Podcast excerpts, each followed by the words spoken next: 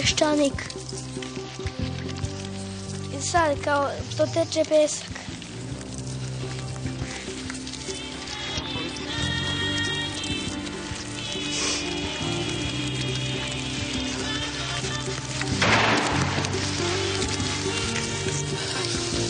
On je čovjek dosadan.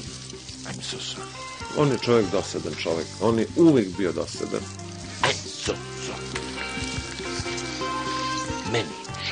peščanik.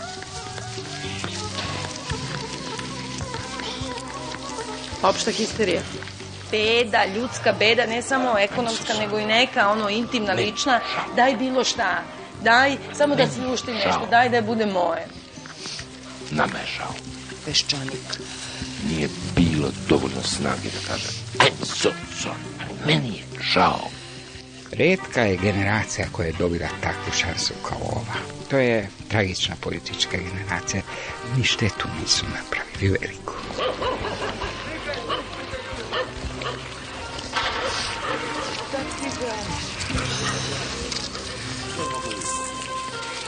Peščanik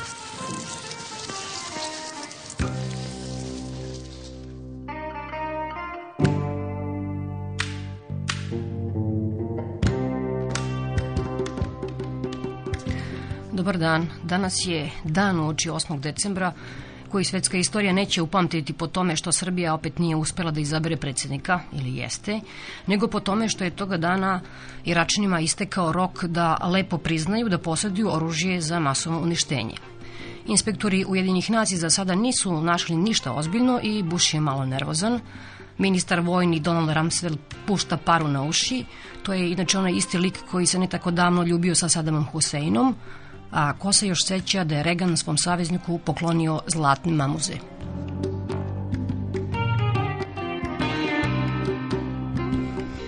To naravno ništa nije čudno, pa mi znamo najbolje kako je zapadna diplomatija fleksibilna i kako jednog čoveka čas se zove faktorom mira i stabilnosti, čas delom osovine zla. Afganistan je već zaboravljen, na meniju je Irak. Borba protiv terorizma će biti tako žestoka da ni zrno peska na zrno peska neće ostati. I za sada doviđenja pričama o Šeherizadinom Bagdatu, letećim čilimima, Harunu al rashidu Milioni račana ovih dana čekaju, čekaju generalnu probu sudnjeg dana.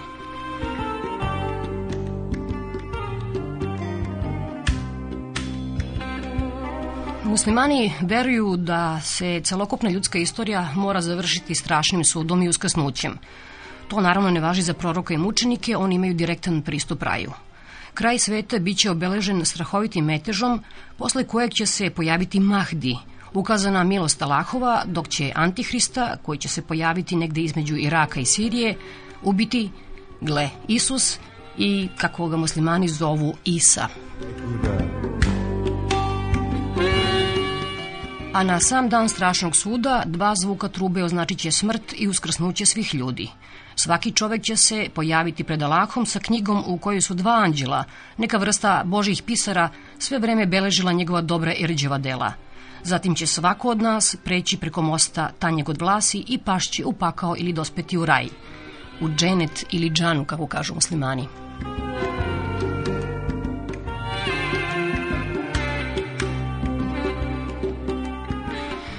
Po ovoj priči prorok će se pak zauzeti za muslimane, nadaju se naravno muslimani. A mi imamo mirnodopske probleme, ne možemo da izaberemo predsjednika, ali zato smo dobili prvog srpskog viteza Templara, to je izvjesni Dragoslav Petrović. Vitez Dragoslav se svojim uzornim hrišćanskim ponašanjem nametnuo svojim kolegama Templarima i oni su ga nedavno, kada je u Beogradu održan prvi Templarski forum, unapredili su ga u viteza. On kaže da od postojećih 6000 Templara, njih čak 80 živi u Srbiji, među njima je i 30 dama, odnosno gospi. gde će da se rađuju naslednici čuvara Svetog Grala ako ne u Srbiji. Oni su svuda oko nas, samo su maskirani i ne nose više one plaštove sa belim krstom. A jedan krst je uznemirio bošnjake u Srebrenici i okolini. Pravoslavna crkva je odlučila da sagradi crkvu u Potočarima, Bošnjaci muslimani su uznemireni jer, kako kažu, to je mesto gde je nekoliko hiljada njihovih sunarodnika osuđeno na smrt posle pada Srebrenice – Boži zaslanici na zemlji koji su na privremenom radu u Srpskoj pravoslavnoj crkvi tim povodom kao i obično nemaju šta da izjave. Zašto su malo malo pa vrata crkve zaključena, ističe se utisak da naši crkveni velikodostojnici misle da Boga mogu kidnapovati i držati ga zaključenog iza crkvenih dveri. Ako u Boga veruju, morali bi ga pažljivije slušati, a ako ne uvijek postoji alternativa. Mogu verovati u tvorca kojeg je opisao Emil Sioran. To je jedan rđevi demjurg, smetenjak, demon koji je stvorio ovaj svijet tako što je zdipio nekoliko tajni sakrivenom bogu, koji u stvari nije ni dao dozvolu da ovakav svijet bude stvoren. I ovdje priče na kraju. U naučno-fantastičnoj priči Artura Clarka, 9 milijardi božih imena – jedno bratstvo lama izgubljenih negde u dubinama Tibeta posvećuje čitav svoj život recitovanju Božih imena. Ova imena su izuzetno brojna, ima ih 9 milijardi. Kad jednom budu izgovorena, tada će svet, čitav jedan svetski ciklus, biti okončan. Međutim, lame dešifruju sporo, tako da njihov posao traje već vekovima.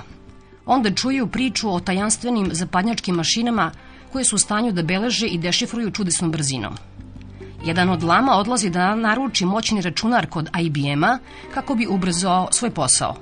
Američki tehničari stižu na planine Tibeta da bi instalirali i programirali mašinu. Po njima tri mjeseca je sasvim dovoljno da bi se izašlo na kraj sa 9 milijardi imena.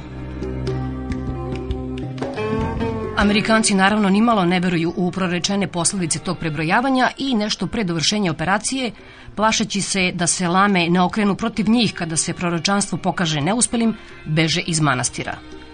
I onda su, spuštajući se ka civilizovanom svetu, vidjeli kako se zvezde gase, jedna po jedna.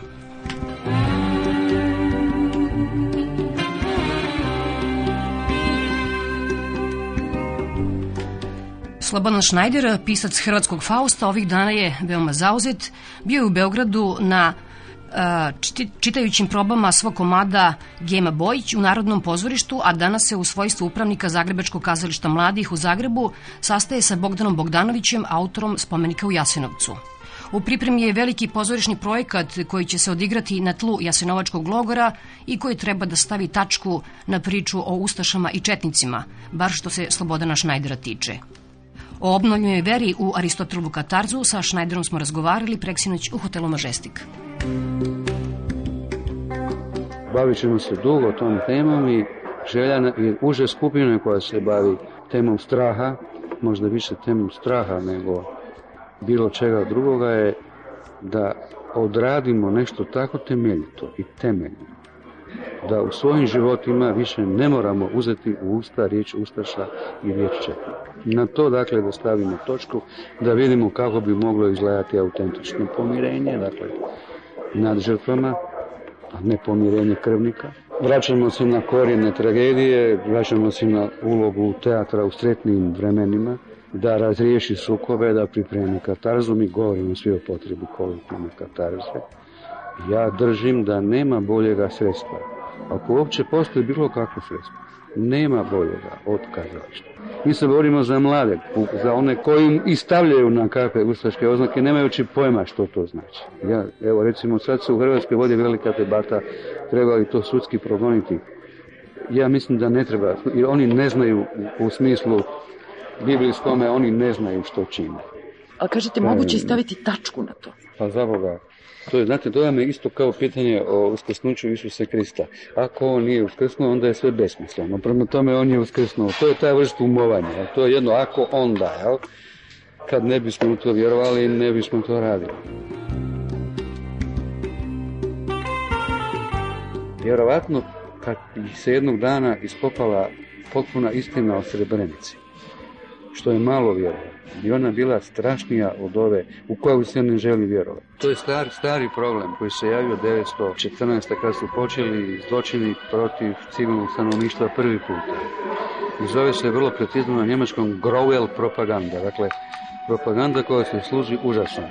Pješti su bile tako strašne da nitko u njih nije htio vjerovati. Uvijek se mislilo to je propaganda druge strane. Tako dugo je i Auschwitz uspjevao biti za tamo, Iako su informacije curile, nitko to nije moguće. To je sad problem. Naravno, kad vidiš, misliš, ah, to je izmišljati. Mislim, čovjek nije takva životna. Da bi shvatio da je mnogo gore, ali opet postoji i u tim najgorim momentima neki pogled, na primjer, neki zna. Na primjer, jedna scena koja je skoro lirska. Imate ženski logor u Staroj Gradiški, po tamo je bila i moja majka, zatvorena. Oni gledaju te zatvorenice i zaljubljuju se preko plota. I sad ide pjesma, oni pjevaju pjesmu ovako. Voljela bi večerati nego s tobom spati. Razumijete, tu je na neki način se pokazuje da u tom mrvljenju postoji nešto što se smrviti ne Radimo u zkm moj komad Kamu smrtopis i sve nas je razveselila jedna rečenica koju sam napisao 78. godine. kao čita novine i kaže pazite, pazite, govori svojim ukućanima, moramo jesti samo pravu hrvatsku salamu. A pravu hrvatsku salamu radi samo tvrtka und zon. Ja ne vidim neku osobu tu radost u tome što je svijet između polova isti i što svi piju coca Ja volim Coca. Niko u svijetu ne voli Coca, osim Hrvata. I, ispaše na kraju tako da smo mi ljevičari jedini pravi nacionalisti koji brani nekakve nacionalne vrijednosti. Na, jer ovi koji to, koji to govore daju zapravo jedno što imamo na pameti da rasprodaju obiteljsku srebrninu, da se uključe, da, ovaj, da sliče na svijet. Dakle, da bi dakle, ne budu oni sami, da je što je moguće više sličan na, na nekog drugog. A cijelo vrijeme se kunu u sebe sami. To je taj absurdan nacionalizam propaštava ono do čega mu najviše stalo. I je vremena da nije recimo da nismo mi sirovi na tog procesa, da ih je pustiti. Bilo bi najbolje pustiti pa da se to istutnji da se vidi što to, ali kad je cijena mi, pa baš nekako nerado bismo ih pustili. Da nismo mi, najbolje, ajde sad šešće, ajde, evo, evo vam država, da vidimo kako biste vi to napravili. Razumijete? Ne bi valja, Kad smo mi cijena, mi bismo išli tako, odmah. Sada ćete čuti šta je Slobodan Šnajder rekao na tribini u Zrenjaninu. Ja ću vam pričati manje više anegdote, bez ambicija da analiziram zlo koje je snašlo ovaj prostor. Ja sam dramski pisac i možda je moje da, da pričam priče, koliko znam i umijem. Prva je priča 84. godina u Moskvi. Bio je neki sajam knjiga i upoznali smo se s nekim mladim Rusima i Ruskinjama i odveli ih u dom pisaca. I Pitao sam jednu mladu ruskinju intelektualku, dakle obrazovanu osobu, otprilike ovako, vidiš Irina, potpuno je moguće da je za ovim stolom svoje ručkove uzimao jedan babelj. Isak Babelj. I ti si naravno čitala Isaka Babelja, pitao sam ja nju. Ona se nasmiješila vrlo ljubko i rekla njet, njet, mi nismo učili hrvatsku književnost. I nešto mi je u glavi prsnulo i pomislio sam, gle, gle zapravo ko je zaista pobjedio. Nije u tom momentu Stalin taj koji je pobjedio velikog pisca Isaka Babelja. U nastavku razgovora na večer ona mi je rekla ovako, ajde molim te opiši mi Veneciju. Kako je to s tim lagunama, s tim gondoljerima, s tim balkonima. Ajde reci Paris. Ajde opiši mi Eiffelov toranj ukratko. Ne? To je vrijeme Brežnjeva, to je dosta još tvrdo vrijeme u SSSR-u. E, dakle, to je 84. godina. Prije godinu i pol dana radili smo moj komad Zmijin slak u Beogradu u Centru za kulturnu dekontaminaciju. To je jedan vrlo hrabri iskorak jer to je predstava o silovanjima u Bosni koji su prema uvidima svjetske zajednice skrivili uglavnom srpski neregularni borci. Ali ja vam ne govorim sad o tome. Nakon jedne probe naveče, jedna od glumica koja ima 21 godinu mi je došla i rekla Šac, mene zovu Šac, opiši mi Zagreb, ali opiši mi Ilicu. Koje su boje tramvaji? I pomislim taj moment, pa oni su pobjedili. Priča postaje još gora kad vas pogodi, tako reći, za vlastitim stolom. Pisala se godina 91. to je teška godina za nas, kad smo mi silazili u skloništa, kao što ste vi u jednoj kasnijoj godini silazili u skloništa od zračnih napada u Zagrebu, takav jedan dan došla je moja kćer koja je išla u drugi razred osnovne škole kući i sjedili smo oko stola i ručali. I kaže ovako, sada i ja znam da se mi svi moramo bojati Srba. I ona vidi da je rekla nešto što možda nama u obitelji se čini čudno. I onda je pitala, a kažite vi meni, tko su to Srbi?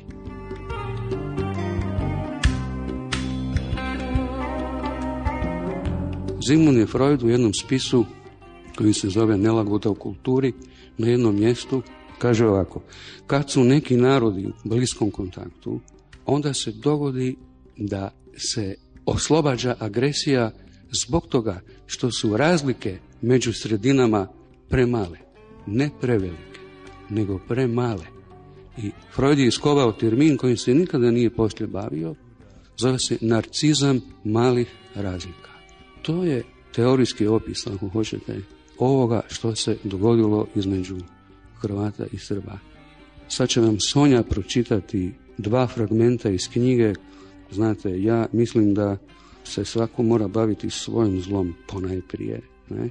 ali da netko ko se bavi zlom svojim možda stiče neka prava ili stanovitu vrstu uvjerljivosti da se bavi i zlom drugih.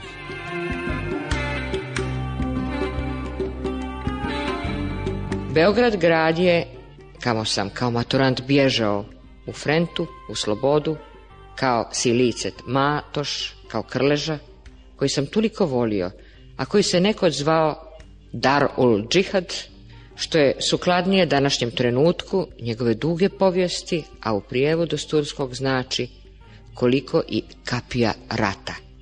Lament nad njegovom šutnjom jest lament nad srebrenicama dokle. Ovo je o krajini. Medvjed na putu. Kako razumjeti? potajnu, no u stvari slabo skrivenu radost vladara zbog toga što mu se njegovo i onako malo kraljevstvo prazni od ljudi. I od kojih ljudi zapravo? Od hrvatskih etničkih Srba. Tako te ljude imenuju zapadni izvori. To bi možda moglo značiti da su ti ljudi, u tome je valjda smisao onoga hrvatski i etnički, jako dugo kod nas. Koliko dugo? Dvije stotine godina, tri stotine godina. Hrvatska curi na sve strane.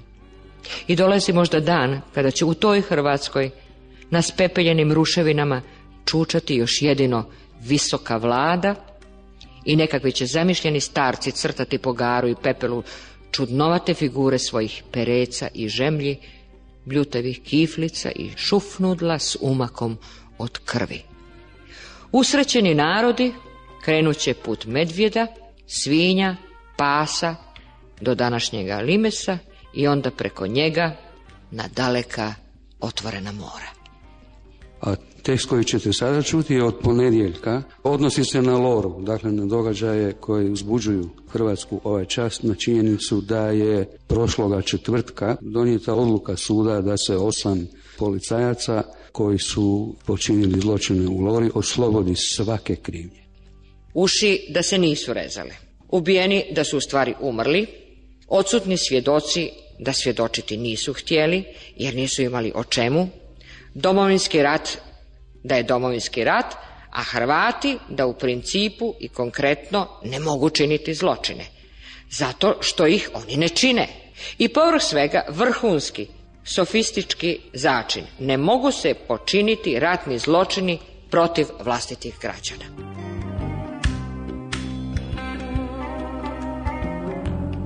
odnos prema Hagu, osjećaj da Hag nameće nešto što gotovo nitko ne želi je identičan.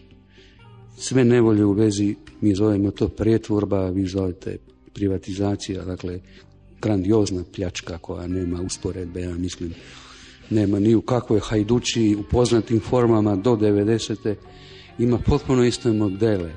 Brutalizacija javnog diskursa, postoji sindrom starog borca, Postoji naravno cijela tehnologija kojom se prostrani dijelovi povijesti reinterpretiraju i se laže i maže da bi se iz povijesti izvadilo ono što je politički upotrebljivo. I postoji naravno, kao što postoji razočarenje u projekt Miloševića, postoji razočarenje u projekt Tužmana. Mene to uvijek posjeća na kraju knjige Karla Krausa e, Posljednji dani čovječanstva. Imate crtež raspetoga Boga nad Kogotom, i on je raskriljen i kaže i hapes nicht gewollt. Ja to nisam htio. Ja to nisam htio. Tako toliki danas koji su sudjelovali u proizvodnji nesreće kažu pa to, mi to baš nismo htjeli. Nitko baš nije računao sa dva miliona prognanih, sa 200 tisuća ubijenih, sa ne znam, samo u Hrvatskoj 30 tisuća kuća u zraku. Ne? Kao da nitko nije shvatio da kad se jedanput krene s tim scenarijem da smo mi ti troškovi. Nema nekih drugih troškova. Evo, ja ću sad završiti svoj dio jednom anegdotom. Negdje nakon prvog svjetskog rata u Zabiti u Austriji. Tođe jedan umjetnik u grad, piše na vratima liječnik, psihijatar, to je rano doba psihoanalize. I kaže, dragi doktore, sa mnom je gotovo. Ja ću se ubiti, neću doživjeti sutrašnji dan doktor nagleda i kaže, slušajte, vidim da s vama stvari stoje teško, ali večeras gostuje u našem gradu jedna grupa žunglera, gumaca, klauna. Idite na tu predstavu i ako vas ne nasmije klaun koji ih vodi, onda vama nema spasa. Onda se ubite. I doktor kaže, taj klaun svjetski poznan zove se Paolo Grimaldi. A čovjek kaže da, ali ja sam Paolo Grimaldi.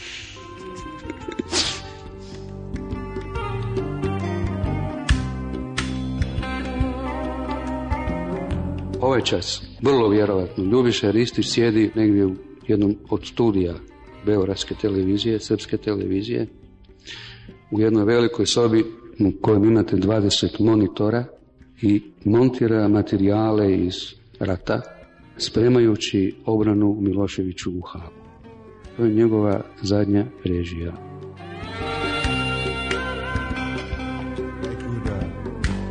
Znate, mi moramo sada kopati po tradiciji i povijesti vrlo utilitarno. Moramo vidjeti na čemu se uopće može graditi. Što je preživjelo. Gdje je recimo kako je nestao taj golemi moralni kapital koji je donio 45-45 i šume kako je on krivo investiran, kako se to moglo dogoditi. Da li je tu naš neuspjeh? Evo, to pitanje mi je postavila jučer u jednom razgovoru Borka Pavićević. Da li možda mi govorimo ezopovskim jezikom ili farizejskim ili nekim intelektualnim šaradama koje ljudi koji u osnovi prilaze glasačkim urnama ne razumiju. I onda sam se sledio, vjerujte, jer je ne znajući ona ponovila gotovo od riječi do riječi formulu ili pitanje Ernsta Bloha 933. nakon dolaska Hitlera na vlast. Gdje smo mi pogriješili? I kad gledate u tim paralelama što bi onda sve još moglo biti, što se sve još može dogoditi, čovjek se sledi. Dakle, na čemu uopće graditi? Populizam ima kod nas od Slovenije do Makedonije jedini stvarnog masovnog uspjeha. To je jedino ono što ljudi čuju ili misle da razumiju. Populizam kad osvoji poluge vlasti mora, tako reći preko noći, zgaziti svaki trag drugačijeg mišljenja da bi ostao na vlasti. Ne uspjeh populizma, nego njegov neuspjeh da sagradi društvenu zgradu je ono što brine. To je upravo primjer Hitlera. 33. dolazi na vlast, uništava najsubtilniju kulturu koju je Europa imala, gazi, uništava politički život, gazi sindikate, briše socijaldemokraciju, u gotovo tjedan dana, znajući dobro, ako to ne učini da ga nema. To znači kad biste dobili Šešalja na vlasti, on bi učinio sa ovlastima koje mu se nude, onda je i novi rat izvjestan i unutrašnji i vanjski.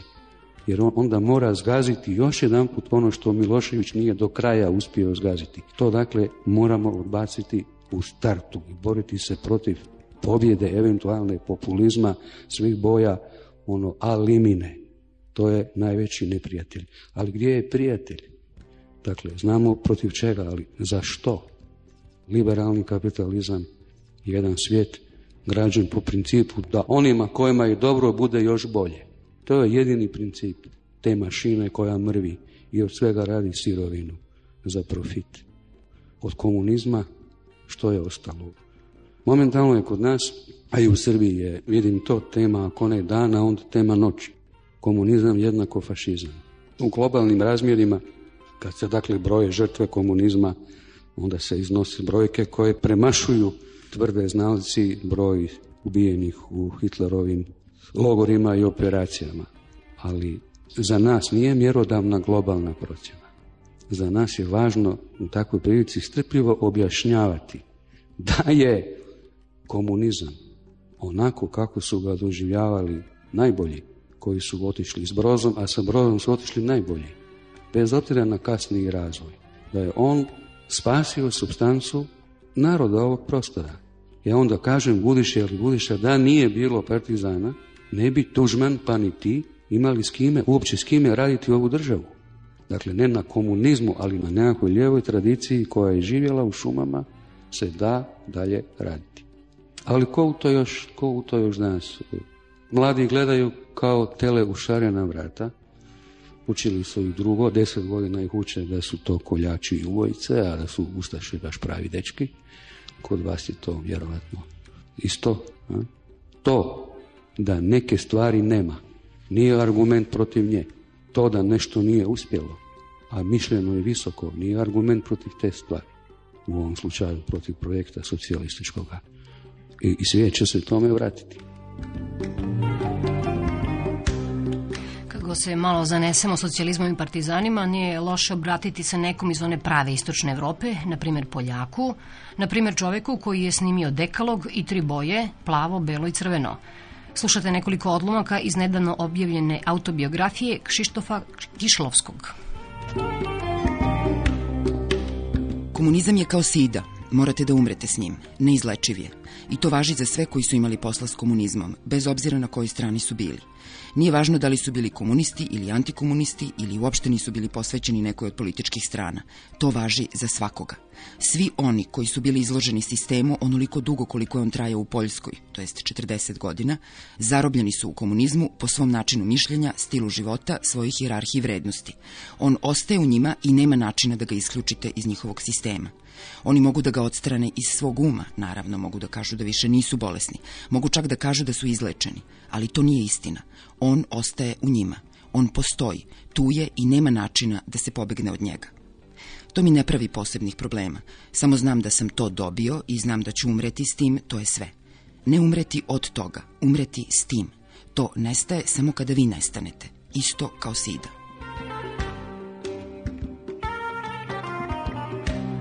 Najbolji i najmudriji među nama su pobedili, nesumljivo. Ali možete li da gledate u budućnost sa nadom u ovom trenutku ako živite u Poljskoj? Mislim da ne.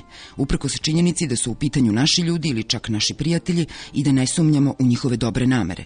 Ali kako se ispostavlja, to nije dovoljno. Ne znam šta znači Slobodna Poljska. Slobodna Poljska je potpuno nemoguća. Ali to ne znači da ova zemlja ne može biti organizovana pametno. Verovatno može, ali nažalost nema nikakvih nagoveštaja da će se to dogoditi. Zapravo, ona je jednako glupo organizovana kao i ranije, osim što smo sada mi ti koji je organizuju. I to je najtužnije u svemu. Kivan sam ili ogorčen životom koji me okruživao, okružuje i koji će me okruživati, koji je takav kakav je, gde je sve jadno, gde nema istine, gde postoje samo iluzije. Govorim o Poljskoj koja mi je suđena i u kojoj ću nesumljivo provesti ostatak svog života. Vrlo sam ogorčena zbog ovakvog života, zbog zemlje iz koje dolazim i od koje nikada neću pobeći, zato što je to nemoguće. I nosim istu ogorčenost u sebi zato što sam deo ovog naroda. Kada kažem da sam kivan na svoju zemlju, zapravo sam kivan na istoriju ili možda na geografiju. Nesumljivo tako je moralo da bude. Morali smo biti slomljeni, morali smo da pokušamo da se odupremo tome i neizbežno u tome nismo uspeli. To je naša sudbina. Ali to može da bude vrlo zamorno. Meni je zamorno. Ne znam šta Poljaci žele, ne znam čega se boje. Boje se sutrašnjice zato što ne znaju šta se može dogoditi sutra. Šta bi se desilo kada bi neko sutradan ubio vašeg premijera? Šta bi se dogodilo u Engleskoj? Recimo da je u pitanju osveta Ire. Recimo da su uspeli da ga ubiju. Da li bi se išta promenilo u vašim životima? Ujutro biste uhvatili isti autobus ili otišli istim automobilom u istu kancelariju. Vaše kolege i šef bili bi tamo. Sve bi bilo isto. Verovatno biste otišli na ručak u isti restoran. Nasuprot tome, kada bi bio ubijen premijer Poljske, sve bi se promenilo još istog dana. Ne znam da li bih i dalje imao producentsku kuću, ne znam da li bi telefoni radili, ne znam da li bi moj novac išta vredeo. Možda ne bi vredeo ništa, pošto bi se sve promenilo preko noći. Sve je moguće u Poljskoj i svi se užasno boje da će se nešto loše dogoditi. Živi se od danas do sutra, a to je veoma opasno. Ja pišu istorijski roman. Склянки темного стекла Из-под импортного пива Роза красная цвела А гордо и неторопливо Исторический роман Сочинял я понемногу, пробиваясь, как в туман. От пролога к эпилогу Каждый пишет, как он слышит, Каждый слышит, как он дышит. А как он дышит, так и пишет, Не стараясь угодить. А так природа захотела, Почему не наше дело для чего не нам судить. Были дали голубы, было вымысла в избытке и не собственной судьбы. Я выдергивал по нитке, в путь героев провожал Наводила о прошлом справки И поручиком в отставке Сам себя воображал. Каждый пишет, как он слышит, Каждый слышит, как он дышит, как он дышит, так и пишет, не стараясь угодить. А так природа захотела, А почему не наше дело, а Для чего не нам судить? Вымысел не есть обман, Замысел еще не точка, Дайте дописать роман до последнего листочка, не пока еще жива. Роза красная в бутылке, дайте выкрикнуть слова, Что давно лежат в копилке. Каждый пишет, как он слышит, каждый слышит, как он дышит. Peščanik. Bio ovo Bulat Okudžava na svom posljednjem koncertu u Parizu, a sada levičari do kraja, najprije Borka Pavićević. Rat je u diskontinuitetu, mir je u diskontinuitetu, biografije ljudi su u diskontinuitetu. Mene to strašno podsjeća kao da imaš nekakvu tortu u kojoj imaš jedan sloj, pa fil, pa drugi sloj, pa fil. To nikako da se ispeče. Zato ti u stvari ne znaš koja je muka, e, ajde da tako kažem, svakodnevnog čoveka koji u tome treba da razabere šta u stvari se oko njega dešava. U stvari ne dolazi do, do sažimanja te materije zbog toga što su interesi fragmentarni. Interesi partija, stranaka, organizacija, ono koji su na vlasti. Ko krade, šta krade, ko zida, gdje zida, šta je u prosveti, šta je u, u školama, šta je, ispada kao da je to sad jedan javni život, a onda imaš potpuno drugu stvarnost, pa treću, pa četvrtu. Kako ti kažem, naša stvarnost je nevjerojatna, evo danas sam stajala na stanici i razmišljala sam o tome kako ja ulazim u autobus 31 na kome u stvari piše Bankov, ne znam dok je Banhof Milheim ili šta, to dalje pravi tog eh, rascepljenog ili šizofrenog čoveka koji zna da se vozi u Mirjevo. Razumeš, a piše bankov. Proteklo je jako mnogo vremena na razlaganju mišljenja samog, odnosno sa poštovanja logike. Ajde da uzmemo samo jednu stvar.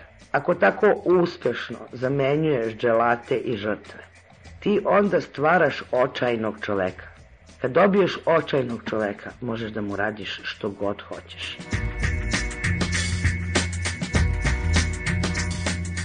To što je bilo u razlaganju zemlje, to se sada skupilo kao problem u pojedinačnim zemljama. Isto je to sa biografijama ljudi.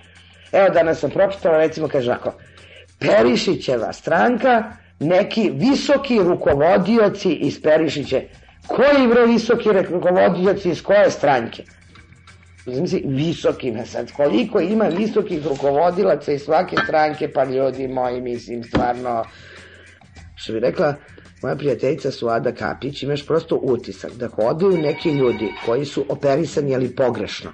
Pa onda vidiš čoveka kome je leva ruka sastavljena s desnom ili vidiš da mu je okrenuto uvo na nos. A taj neki novi čovek jeste instaliranje tog potpunog varvarstva svuda oko nas, kao, kako ti kažem, načina života načina ponašanja prema okolini, načina ponašanja prema deci, načina ponašanja prema svemu ili mišljenja o svemu, upravo zato što on nema biografiju.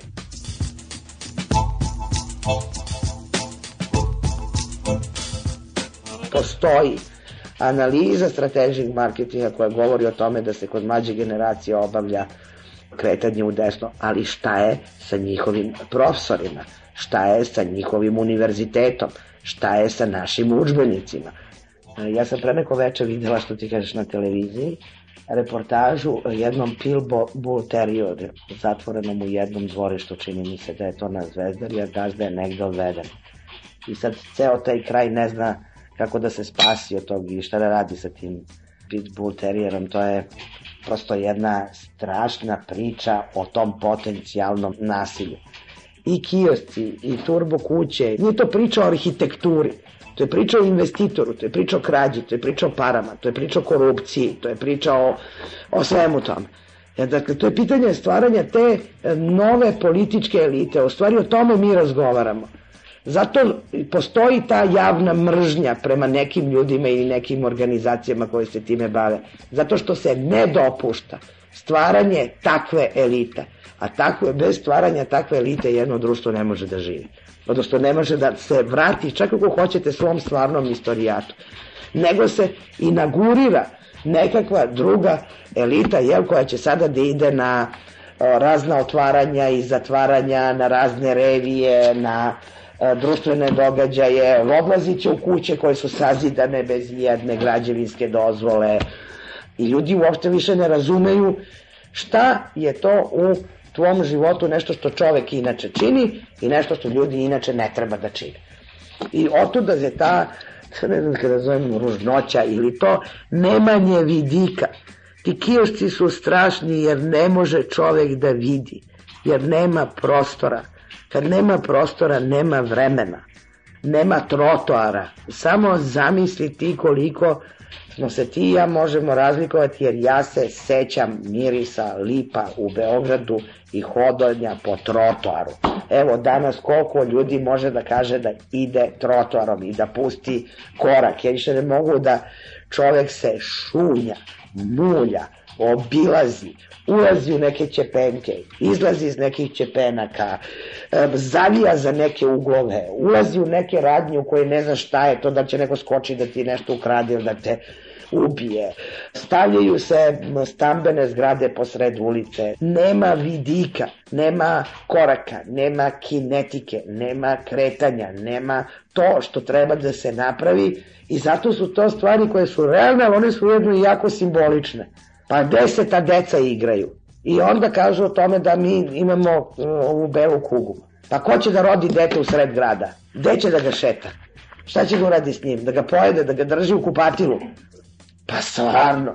Jer može čovek proleće i leta prođe kroz taj obiliće venac i da vidi da tu ima neka lepa zgrada ili nešto. Ne, on gleda u televizor na sred ulice zato što je tamo postavljen taj broj kafana gde ceo narod, a zašto taj narod sedi tu? zato što ne ide na letovanje i zato što obili Venac i centar grada podsjećaju stvari na Budvu. I tu imaš celo to raspoloženje kao da si na moru. Nisi na moru, nego si u centru grada. Ja naime mislim da ti kiosci imaju veze sa lustracijom, šta mogu, ja to mislim.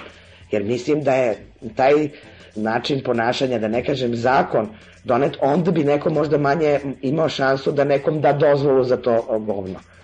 Zato to nije sad ja da uvatim samo Radovana Karadžića. Nije stvar u tome, nego što ta vrsta zločina, ona daje legitimitet svim manjim zločinima i zato što se taj, taj krug obrće i nikako nije jasno. Odnosno, jasno je zašto to ljudi ne povezuju. Dakle, to nije pitanje nečeg abstraktnog, niti zakona, to je pitanje prava na život. I svi, kao što vidiš, prebacuju to jednu instancu na drugo, zato što nema te objedinjujuće političke volje koja će neku viziju, da ne kažem utopiju, tu odvrtnu reč, inaugurirati kao način života. A to se čini javnim ponašanjem, dejstvom, pokaznim primerom, ako Boga znaš. Jer ja mislim da su to neke stvari na koje građanstvo reaguje. E sad imaš tu antikomunističku mantru. Očigledno da se iscrpljuje jedan način svatanja partijskog i javnog života. Očigledno to nekako sa dosom jasno.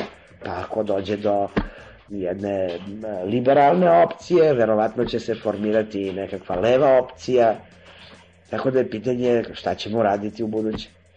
Upravo u tome smatram da je strašna, da je velika odgovornost nekih ljudi koji su od eh, revolucije napravili zanat a od države prćiju, razumeš? Problem je u tome što se kompromitovala sam pojam politike. Jer je politika nekako identifikovana sa nekakvim prljavim dejstvom. A to naprosto nije tačno tako kaže, e pa tako se mora u politici. Politika podrazumeva da se laže, krade i ne znam nija šta drugo ne radi. Pa to naprosto nije tačno. Ima i toga, ali ima i nečeg drugog. Got in pocket I'm gonna use it Intention I feel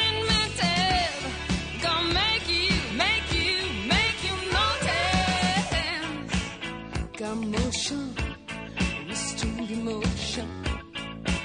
I've been diving, detour leaning, no reason.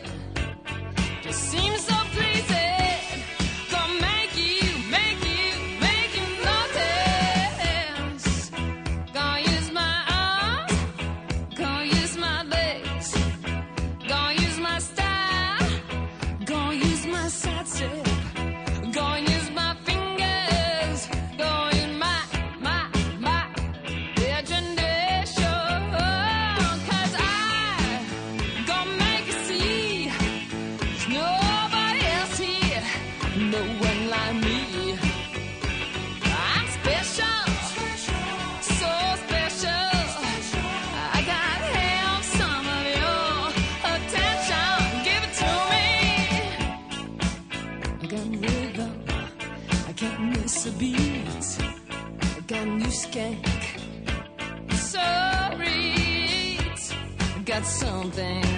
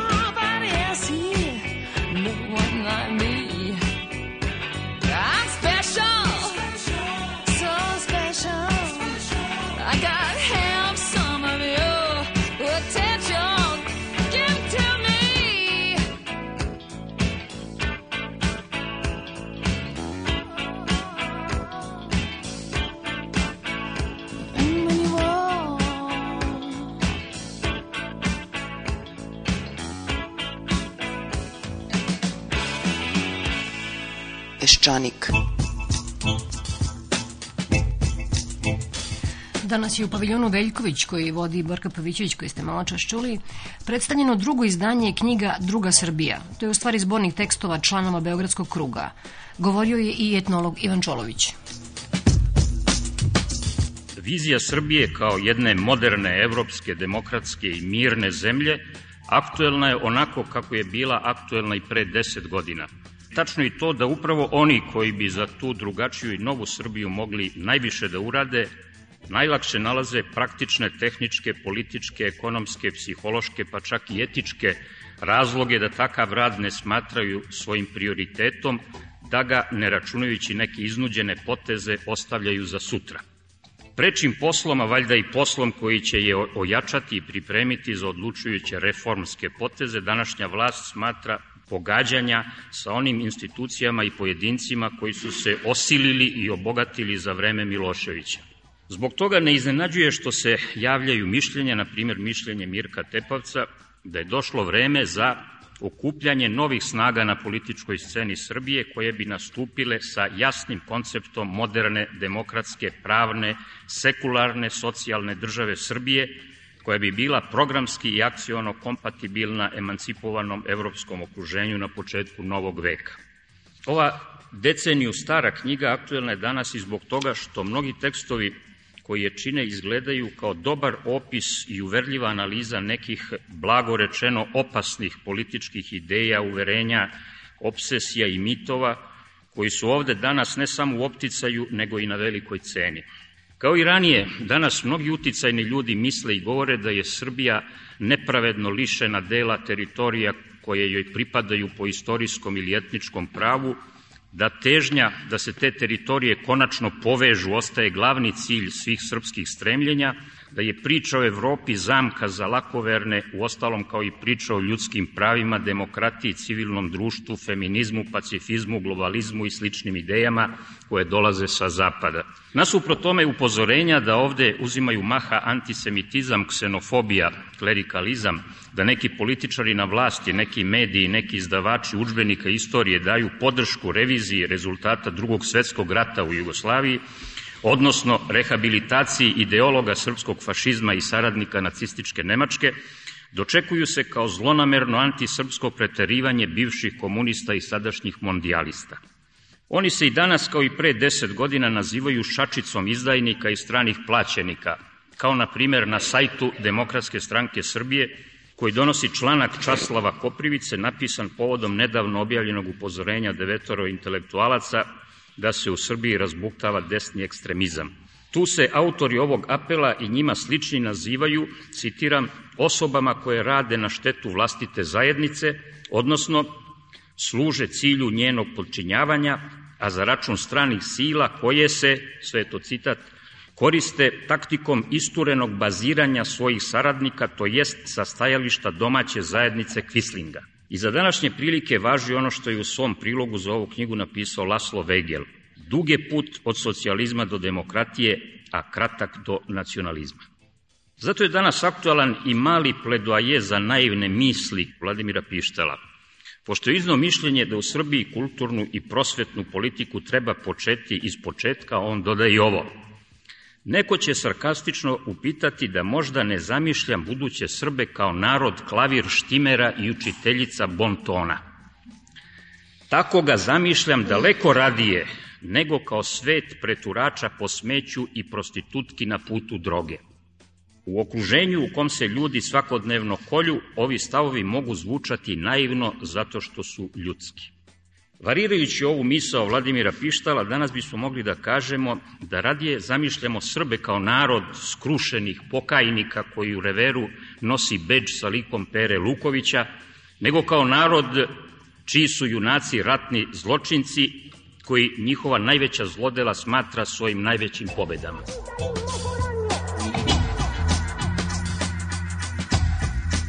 Upadljiva je stagnacija ustajalost ideja, tačnije pripoveda kako je već 15 godina na političko tržište iznose manje više isti ljudi, predstavljajući se kao nacionalni dušebrižnici.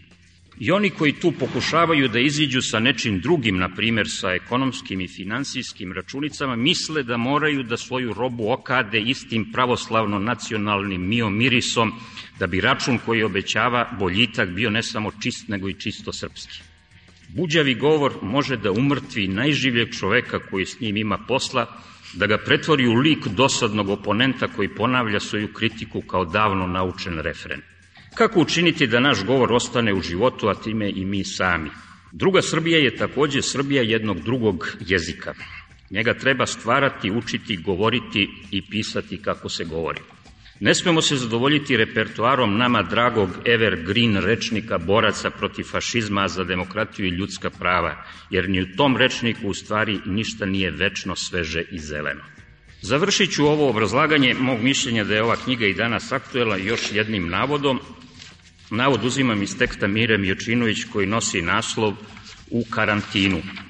U vremenima koja dolaze, piše Mira Mjočinović, Možda ćemo i dalje održavati ovakve spiritističke seanse u ovom getu i u ovom broju. Možda će nas i dalje držati u karantinu zbog opasnog virusa različitosti. Budimo spremni da to prihvatimo bez straha, ali i bez taštine.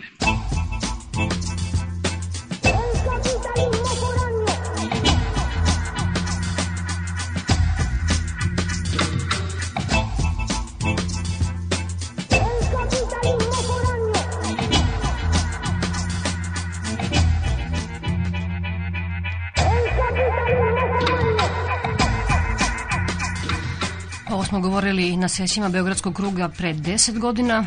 Evo, govorimo i danas. Možda ni za 10 godina nećemo imati pristojnu državu i pristojno društvo. Možda nam tako i treba. A sutra ko budete išli na glasanje, srećno vam glasanje junaci.